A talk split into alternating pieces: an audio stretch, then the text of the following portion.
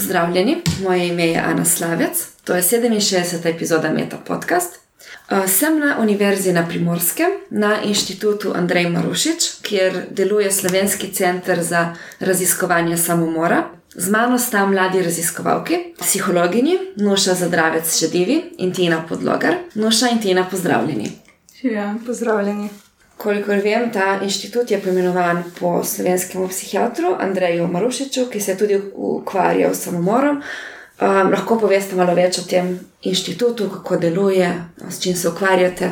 Ja, se pravi, znotraj inštituta deluje Slovenski center za raziskovanje samomora, kjer v bistvu na nek način skušamo nadaljevati delo Andreja Marušiča v tem smislu, da uh, nekako izvajamo in nacionalne in mednarodne projekte na področju raziskovanja in preprečevanja samomora.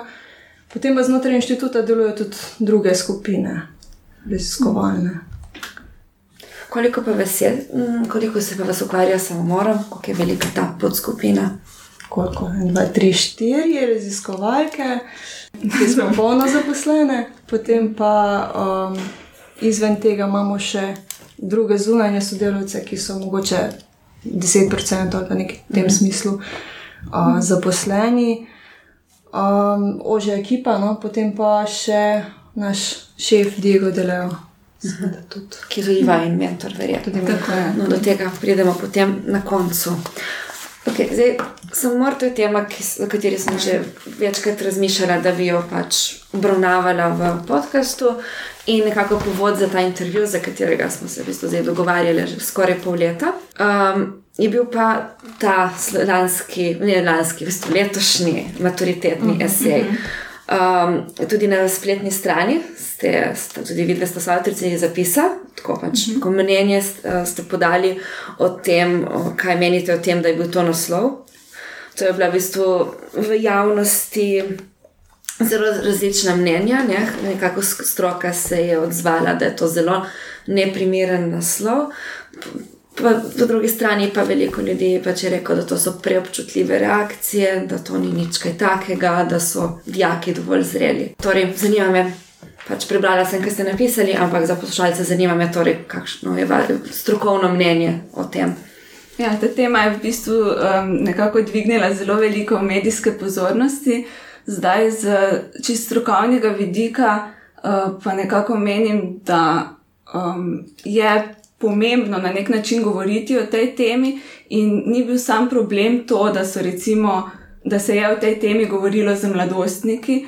Um, je pa nekako problem, če je to tema um, na nekem zaključnem, zaključnem izpitu, ki ga imajo narediti, kjer se morajo tudi dobro odrezati in kjer je zajeta nekako cela populacija um, dijakov, ker med celo populacijo vemo, da se pač bojo zagotovo najdli tudi tisti, ki se soočajo trenutno z neko stisko pri sebi, ali pa so mogoče izgubili koga zaradi samomora, in je to lahko potem zelo občutljiva um, tematika za pisanje pač na nekem takem izpitu, ki, kjer v bistvu mhm. se mora zelo dobro odrezati. Ne? Konec koncev pa tudi um, niso imeli možnosti, da bi to potem s kom podelili, predebatirali uh, naprej. Tako da če bi se te vsebine mogoče obravnavale v šolah tekom recimo nekega pouka, tek, um, na nek kontroliran način, da tudi se lahko ukrepa v primerih določene stiske, bi bilo to veliko bolje, kot pa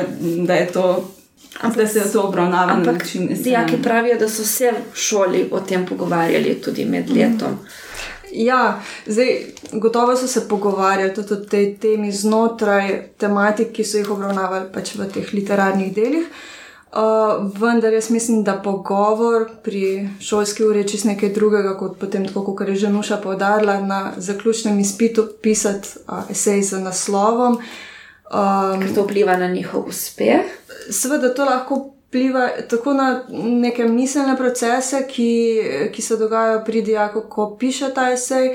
Um, se pravi, če recimo nekdo uh, z neko lastno izkušnjo, da je mogoče um, izgubil bližnjega zaradi samomora mhm. ali pa da je ne, neko izkušnjo na tem področju imel in ga je to čustveno prizadelo, je mogoče se teže zbral, teže nek kvaliteten esej napisal, kar na nek način bi lahko rekli, da ni ravno pošteno. Seveda se uh, mogoče vsaka tematika je takšna, da je lahko nekoga se na drugačen način dotakne kot drugega, ampak se mi zdi, da je samomor vseeno toliko bolj nekako um, čustveno občutljiva tema. Ne, da to mogoče ni bilo najbolj z tega vidika primerno, po drugi strani pa tudi. Um, Seveda, ne, novinari so potem šli recimo na šole, poiskali dijake, ki so se bili pripravljeni izpostaviti. Mogoče velika večina dijakov je to doživljala povsem nekako v nekem takem filozofskem mhm. smislu, so se lahko povezali s tematiko, razmišljali, napisali se. Um, vendar pa mogoče pa nekaj je bilo takšnih, ki so bili pa v manjšini, pa se niso želeli izpostaviti, ker so pa to lahko zelo drugače doživljali. Um, tako da iz tega javno-zdravstvenega vidika bi rekli, da, da ni to bilo najbolj ustrezno. No. E, jaz bi tukaj mogoče se izpostavila tudi to, um, da mogoče res večina dijakov s tem ni imela problemov. In tudi če govorimo o samomoru, to ne pomeni, da bo pri nekom zbudilo te misli, ki o tem prej ni razmišljal. Uh, je pa problem mogoče res, kako je ti napovedala, tista manjšina, ki pa so v stiski in uh, so se takrat soočali tudi z njo. Mhm. Ja. Bi pa lahko mogoče tukaj dodali, da recimo večina raziskav, nekak, uh, ki so usmerjene v to, kako mediji vplivajo, kako medijsko poročanje in diskurs o samomoru v medijskem prostoru, uh, kako vpliva na prijemnike. Ne? Um, temeljijo nekako na, se pravi, na podatkih o tem, kaj se zgodi, ko mediji poročajo. Ne? Tukaj pa mogoče prihajamo na neko čisto drugačno področje. Kjer nimamo nekih empiričnih podatkov, lahko pa sklepamo na podlagi tistih podatkov, ki jih imamo. Ne? In uh, vemo, da samomor kot beseda v naslovu uh, je neustrezno, ko poročamo, oziroma ni dober način poročanja, je lahko nevaren način. Tako da tukaj pa imamo ravno v naslovu ne, in, in, in usmerjamo dijake k temu, da morajo o tem razmišljati in pisati. Tako da, ja. Kaj pa v bistvu tako, sicer na splošno v Sloveniji se dovolj pogovarjamo o samomoru? Uh, kaj v bistvu, zdaj ne vem, kakšne so te zadnje statistike, je to v Sloveniji v bistvu v primerjavi z drugimi državami, to kar velik problem. Um, jaz mislim, da v Sloveniji se vedno bolj pogovarjamo o samomoru, ampak še vedno mogoče premalo. Uh, statistike zdaj tudi kažejo na to, da samomorilni količnik v Sloveniji pada. Uh mhm. -huh. Tako da um, Zdaj, trenutno um, imamo okrog 400 samomorov letno, kar je še vedno nad nekim evropskim povprečjem, recimo, um, ampak se pa stanje izboljšuje. No? Zdaj, v bistvu, neka reka nagnjenost, v bistvu bolj pogost je samomor pri moških. Uh mhm. -huh. In zdaj, v bistvu, prav s tem se pa ukvarjaš v doktoratu. Uh, ja, tako je. Uh, naslov tvoje dizertacije bo stališča do zdravja, stiske, samomor. Uh, zdravje, stiske samomora in iskanje pomoči ter opozorilni znaki depresije in samomorilnega vedenja pri moških uh, s, s preteklim poskusom samomora. Tako je. Moški s preteklim poskusom samomora, v bistvu, kako, mislim, koliko jih je recimo v Sloveniji. Um, ja, teh moških v Sloveniji je kar veliko, je pa res, da um, če primerjamo recimo moške pa ženske, um, je, žensk, je v ženski skupini uh, več tistih, ki imajo poskus samomora, medtem ko je pri moških mogoče uh, več tistih, ki so naredili samomor, oziroma je ta številka bistveno večja v primerjavi z ženskami. Uh, sem jih pa jaz v svojo raziskavo vključila tiste po poskusu samomora, zaradi tega, ker želimo nekako, ker želim dobiti nek čim, bolj, čim boljši pogled v to, kaj se dogaja z osebo takrat, ko pač je tik pred tem, ko je um, nameravala narediti samomorne. Uh mhm. -huh. Tudi um, same, same intervjuje um, izvajam z moškimi, um, kjer je šlo za resen poskus samomora, kar pomeni, da brez neke pomoči drugih ne, ne bi preživeli. Ne. Um, torej, če pa razumete, v bistvu pri, to so neki um, kvalitativni intervjuji, to je pač metoda raziskovanja, poglobljen intervju, koliko časa, koliko časa po poskusu samomora.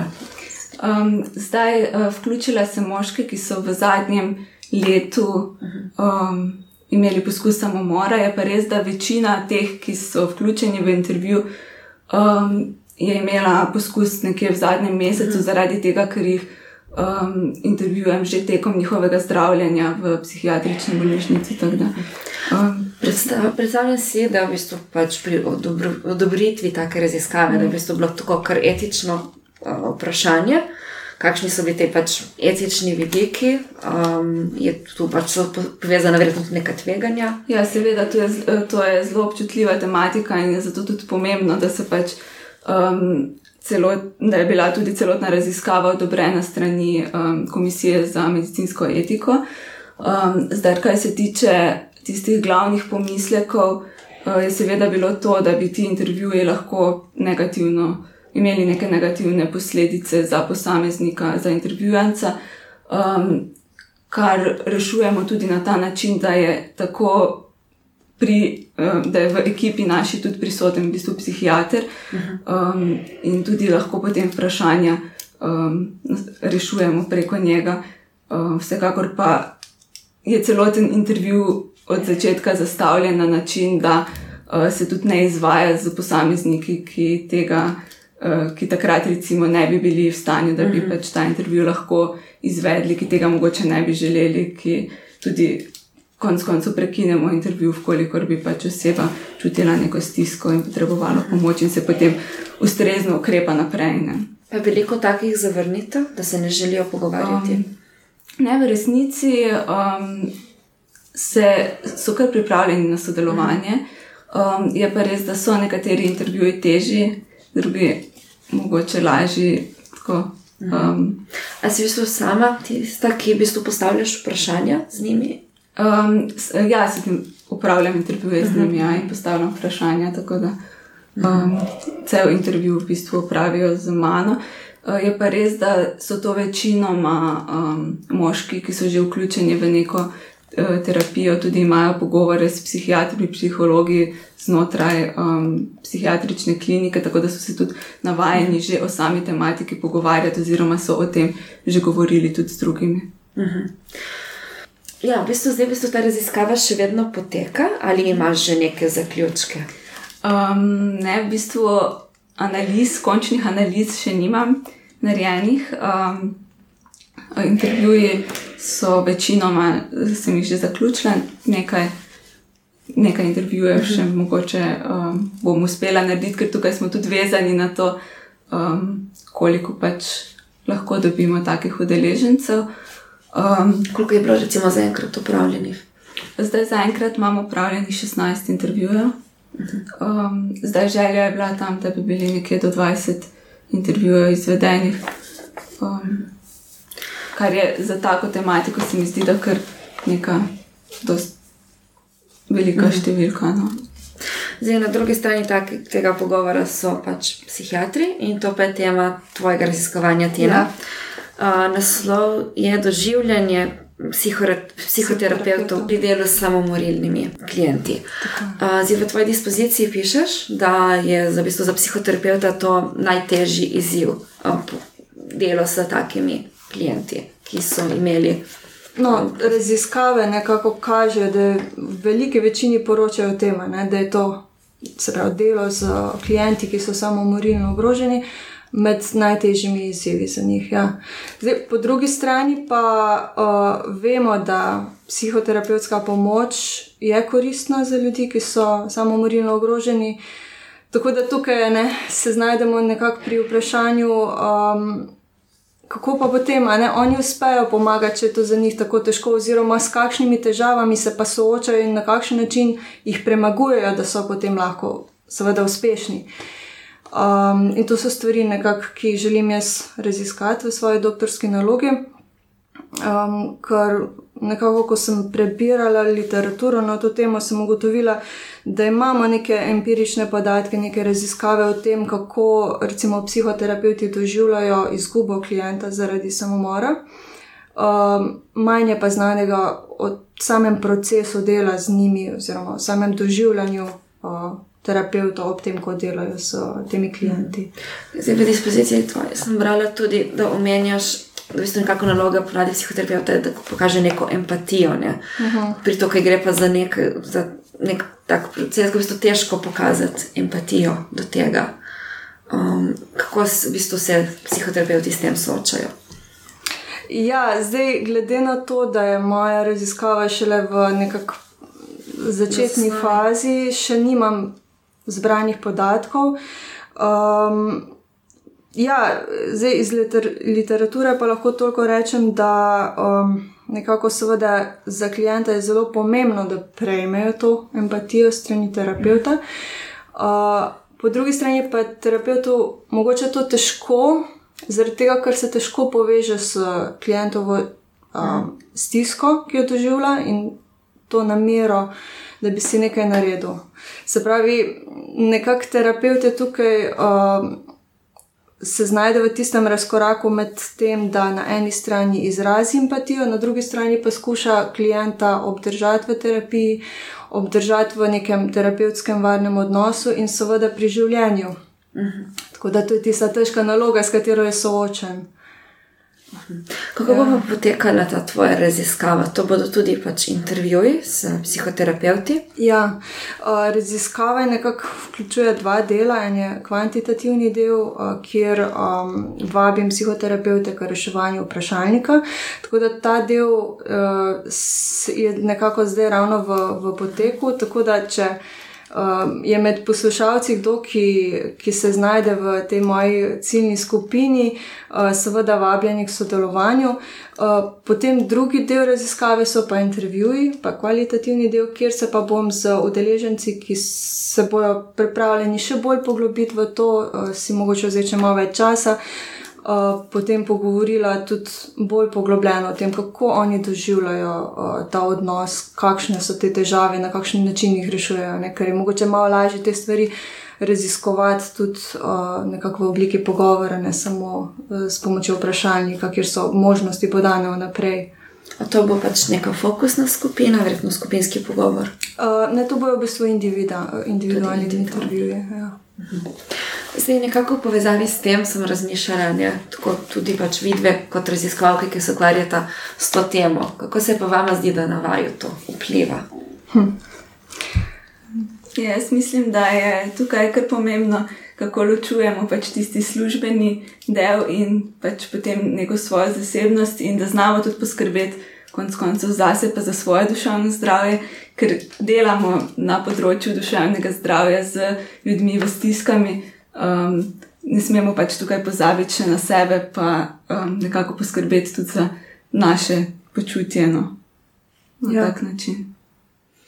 Um, imate kakšen nasvet za poslušalce? um, kako v bistvu, kaj lahko naredijo, kaj, kaj lahko vsak sam, mislim, kaj, ne vsak sam, ampak za, za okolico, kako v bistvu se obnašati, kaj narediti, da, da prispevamo k temu, da bo samomorov manj. Um, z javno-zdravstvenega ja. vidika. Zdaj, mogoče tukaj bi bilo smiselno izpostaviti predvsem to razumevanje uh, pomena povezanosti med ljudmi, um, ker um, to, da smo nekako odtojeni, recimo od bližnjih, da ne vidimo neke povezave z njimi, ali pa da se celo čutimo, da smo v breme drugim ljudem, uh, lahko zelo ključno pripomore k nekem mhm. pojavu samomorilnih misli. Tako da v resnici ne bi lahko, če tako zelo široko pogledamo, um, rekli, da je zelo pomembno to, no, da smo nekako pozorni drug do drugega, da tudi, ko recimo vidimo, da je nekdo v stiski, da pač si vzamemo čas, pristopimo do te osebe, povprašamo, kako se počuti, čistko, ne, kot človek do človeka. In lahko s tem veliko naredimo. Ja, jaz bi tukaj morda omenila tudi naš uh, članek znanstveni, ki smo ga ravno na to temo objavili v septembru v reviji Health and Place in smo v bistvu nekako tudi ugotovili ta velik pomen socialne pomoči, še posebej pa nekako nakazujejo rezultati v smeri, da je ta socialna opora še bolj pomembna, recimo za moške, kot pa za ženske, um, kar je potem že potem tisto drugo področje, ki ga tudi jaz mhm. nekako naslavljam potem v svojem doktoratu. Mhm. Torej, da so moški manj pripravljeni prositi za pomoč. Um, da je za moške dejansko socialna podpora večjega pomena, oziroma večji mhm. varovalni dejavnik, je pa res, da manj iščejo uh, sami socialno oporo, oziroma nekako ne iščejo toliko pomoči, kar pa spet izvira iz nekih mogoče. Um, Predstav o tem, kaj moško s tem. Tako je. Uh -huh. Kar je tudi um, nekako del, ki ga jaz želim raziskati, um, ravno z tega vidika, uh, na kakšen način pa mogoče drugače izražajo to stisko, um, in na kakšne načine je mogoče, um, kakšna opora, kakšna socialna podpora uh, bi bila za njih uh, bolj prilagojena. Zdaj gremo na ta končni sklop vprašanj, ki jih postavimo vsakemu intervjuvancu. Omenili smo že, da vajen mentor je profesor dr. Diego Deleo. Um, imate v bistvu kakšno zanimivo anegdoto, ki bi jo povedali o njem? ja, um, naj mentor, uh, dr. Diego Deleo, je v bistvu italijan uh mhm. -huh. in uh, je vedno zanimivo, ko um, recimo, ko se uči recimo slovenskega jezika, to je ena tako zanimiva in zabavna, mogoče um, anekdota. Tukaj, recimo na primorskem, ga sicer vsi razumejo, ko govori italijansko, ampak tudi on se včasih potrudi, kaj povedati v slovenščini, pa je takrat veliko smeha v ekipi, se mi zdi. um, Ja, no, jaz bi mogoče še to dodala, da um, tudi veliko potuje. V preteklosti je bil delno zaposlen tudi v Avstraliji. In um, se mi zdi tako zelo ena tako lepa gesta z njegove strani, da nam, uh, se pravi, sodelavkam tukaj na Slovenskem centru za raziskovanje samomora, dosti krat potem kakšne spominke, pa ne se, obeske za ključe, koale in pa um, uh, kenguruje ali pa kapo šiltom, ne vem, za napisom Brisbane. Uh, včasih pa tudi uh, ti njegovi spominki imajo malo dvojnega pomena, ker enkrat nam je prinesel tudi uh, taka peresa, ne za uporabo, ampak tako bolj umetniška, ne, neke, neke um, take spominke, uh, ki so zraven pomenila tudi, ne, da je. Poskusil malo spodbuditi k temu, da je treba pisati. Ja, psihologi vedno vse podrobno analizirate in interpretirate. Ja, tudi eh, pisati znanstvene članke in doktorate. Tako, tako. Um, ja, um, kaj pa vajna pričakovanja glede doktorskega študija? So se kaj spremenila od dne, ko ste se upisali na doktorski študij do danes? In ali bi se ponovno odločili za doktorski študij? Um, moje pričakovanja se nekako niti niso. No. Mislim, da sem kar vedela, približno kaj pričakovati. Uh, po eni strani že zaradi tega, ker sem imela pred seboj dve predhodnici, strani katerih sem že malo uh, zvedela, kako stvari izgledajo. Um, Predstavljala sem si, no, da bo največ nekega individualnega raziskovalnega dela in temu res tako bilo. No. Bi pa rekla, da smo o, na filozofski fakulteti v prvem letniku no, se kar uh, veliko naučili tudi o uh, kvantitativni metodologiji. Um, tako da ja, uh, je bilo kar koristno, bi rekla. No. Ja, moje pričakovanja se tudi niso posebej spremenila. Pa, če bi se še enkrat odločila, bi se ponovno verjetno odločila, da bi izbrala doktorski študij. Uh, je pa res, da mogoče na začetku, uh, ko gledaš na sam proces, uh, se zdi, da bo pač to veliko časa za um, izdelavo celotnega, um, celotne doktorske disertacije, pa potem ta čas kar nekam gre. Ja, no. je pa res, ja. ja je pa. Poznano. Ja. um, če bi imeli priliko iti na kavo s predsednikom vlade, kaj bi mu predlagali, da spremeni na področju znanosti? Ali pa na področju, ne vem, preprečevanja samomora.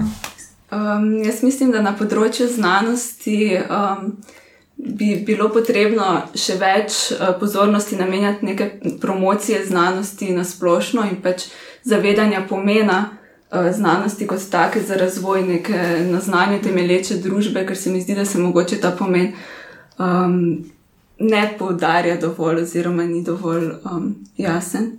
Ja, tukaj se kar strinjam. Se mi zdi, da se to mogoče tudi malo videlo tako nasplošno, ne v, v um, kontekstu diskusij o tem, ali je bil ta naslov na maturi primeren ali ne. ne. Zdaj, ali je teža uh, strokovnjakov na tem, uh, pardon, ali je. Um, Teža mnen strokovnjakov na tem področju, ki je večja od nekoga, ki mogoče se ne ukvarja s tem. Ne? Uh, tako da tukaj se strinjam z Nušo. Um, kot uh, psihologinji pa smo tudi, uh, smo se že prej pogovarjali malo o tem, obe mnenja, da um, uh, bi bilo fino tudi kaj narediti na področju zakona o psihološki dejavnosti, ki se že mm. kar dolga leta uh, pripravlja, pa nekako še ga nismo uspeli sprejeti. In podobno je tudi uh, z zakonom o psihoterapevtski dejavnosti. Tako da, uh, ja, tukaj bi nekako spodbudile, da je to pomembno področje. Ker v Sloveniji v bistvu ni urejeno, kdo lahko upravlja psihoterapijo in kdo ne. Tako je ja. na tem področju v Sloveniji precej zmede in mogoče posledično um, tudi um, manj kvalitetnih uh, terapij, oziroma manj ja. kvalitetnih um, pa tudi javnost verjetno ne loči dobro, kakšna sploh razlika med psihologom, psihoterapeutom, psihiatrom. Seveda. In... Ali pa kakšnimi drugimi podobnimi poklici, ki se pač pojavljajo na ja. trgu. Ne? In tisti ljudje, ki so najbolj ranljivi, v bistvu tukaj, um, ko bi rekla, takrat, ko potegnejo, zaradi tega, ker pač stvari niso urejene. Um, Dobro, zdaj, če se vrnem nazaj k vama, uh, kakšni so vajni načrti, kje se vidite uh, čez pet let in kje čez 40 let? Um, je čez pet let, jaz upam, da še vedno nekje um, v raziskovanju tega um, problema oziroma problematike samomorilnega vedenja, upam, da bomo že do takrat um, tudi kaj več raziskali in tudi prispevali v bistvu z našimi raziskavami, in na drugi strani tudi intervencijami k zmanjšanju samomorilnega količnika. Zdaj, čez 40 let, pa jaz upam, da um, bomo že na tem področju toliko naredili, da se bo tudi količnik toliko znižal, da bomo lahko potem. Um, sam še z zadovoljstvom opazovali stanje v Sloveniji in v svetu. Ja, se nekako pridružujem, no, tudi se vidim čez pet let, um, približno tukaj, oziroma, seveda, ja, z malo več znanja, malo več izkušnjami, ampak še naprej v raziskovanju, poučevanju. Ali bi drugim doktorskim študentom priporočili kakšne tehnike za upravljanje s časom ali pa kakšen računalniški program, ki vam prihrani veliko časa? Kakšnega računalniškega programa, iskreno, uh, s takšnim namenom jaz ne poznam. Um, zdaj, drugo so računalniški programi, ki jih uporabljamo za analizo kvalitativnih podatkov. Um, kaj vem, mogoče čisto no, zavedanje tega, da, uh, kot je Nuša preomenila, da ta čas potem kar hiter mine, kljub temu, da najprej zgleda velik, da pač. Se nekako tega, da se opominjamo na to, že ko začnemo, s študijem, da v bistvu nekako si začrtamo korake, um, ki jih želimo do nekih terminov opraviti, da potem ne, ne čakamo predolg s temi zadevami do zadnjega. Da bi našla še kaj dodati. Um, ja, jaz bi mogoče tukaj izpostavila čisto en tak. Program, ki se mi zdi, da se na, nam zelo prav pride pri samem pisanju dizertacije uh -huh. in mhm. sicer Mendelej, kjer lahko um, nekako urejaš um, te publikacije, oziroma zelo, uh, zelo prav potem, da nekako pri naboru teh mnogih uh, publikacij um, najd, urediš in najdeš neko pač, uh mhm. -huh. rdečo nit. Ja. Tako da mogoče ta program še. Okay, bom dodala link v, uh -huh. um, um, v zapiske. Um, ja, potem pa me zdaj zanima, ali imate kakšno priporočilo za knjigo, igro, film, spletno stran, podcast. Lahko tudi več tega. Ja. Tukaj si lahko date duška. um, je ne nujno povezano s samomorom. Pač. Ja. Ampak lahko tudi. Mislim, meni se zdi to vprašanje kar težko, zato ker ne, uh, je nabor velik. Uh, sem pa ravno v zadnjem času naletela na uh, en projekt, spletno stran. Uh, um, ki se imenuje UROC Foundation, um, ki se mi zdi v bistvu čudovita zadeva uh, iz vidika preventive samomorilnega vedenja in pa tudi uh, širše, no, nekako promocije tega, da je duševne stiske, duševne težave možno reševati.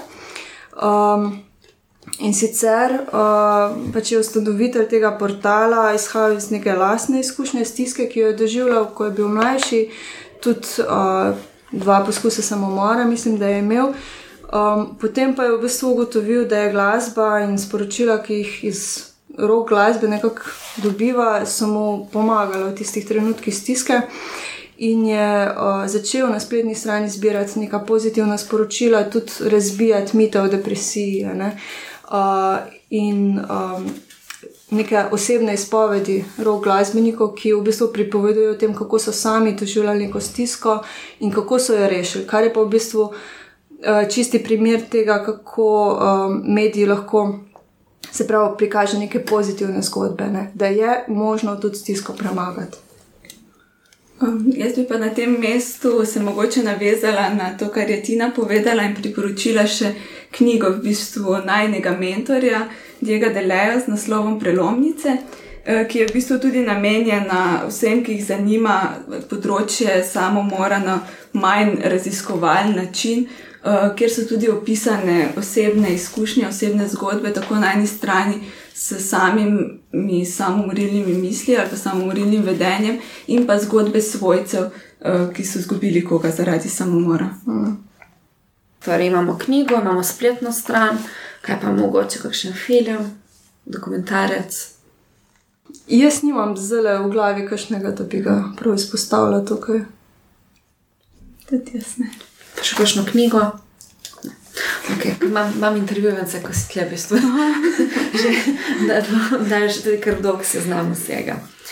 Ok, potem pa lahko gremo k zadnjemu vprašanju, ki pa je, če bi lahko na večerjo povabili kogarkoli, torej če ne bi bilo nobenih omejitev, koga bi povabili na večerjo.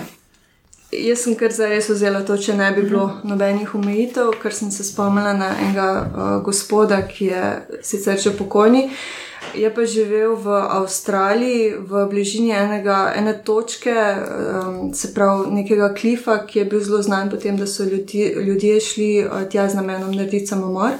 In on je, se pravi, on je živel nasprot tega klifa in jih je videl, uh -huh. uh, da stojijo tam, da razmišljajo o tem, da bi skočili. In je uh, pristopil k ljudem in enostavno jim ponudil neko človeško toplino, jih povabil k sebi domov, na čaj, na obrok. In um, ocenjujejo, da je nekje rešil od 160 pa še več življenj na tak način. Uh, Um, tako da meni bi bilo zelo zanimivo no, slišati njegovo zgodbo in se pogovarjati z njim. Mogoče spomniš njegovega imena? Uh, imena ne vem, so ga pa poimenovali Angel of the Gap. The Gap je bil ta uh mhm. -huh. klif znan in so ga tako ja, poimenovali. Ravno zaradi te njegove vloge. No. Okay, bom poiskala link. Hmm. Kaj pa noša? Oh, jaz bi tukaj zelo težko izbrala samo eno osebo, tako da mislim, da bi naredila kar tako skupinsko večerjo, pa povabila veliko ljudi. Um, banket. In, ja, kar banket. Ja.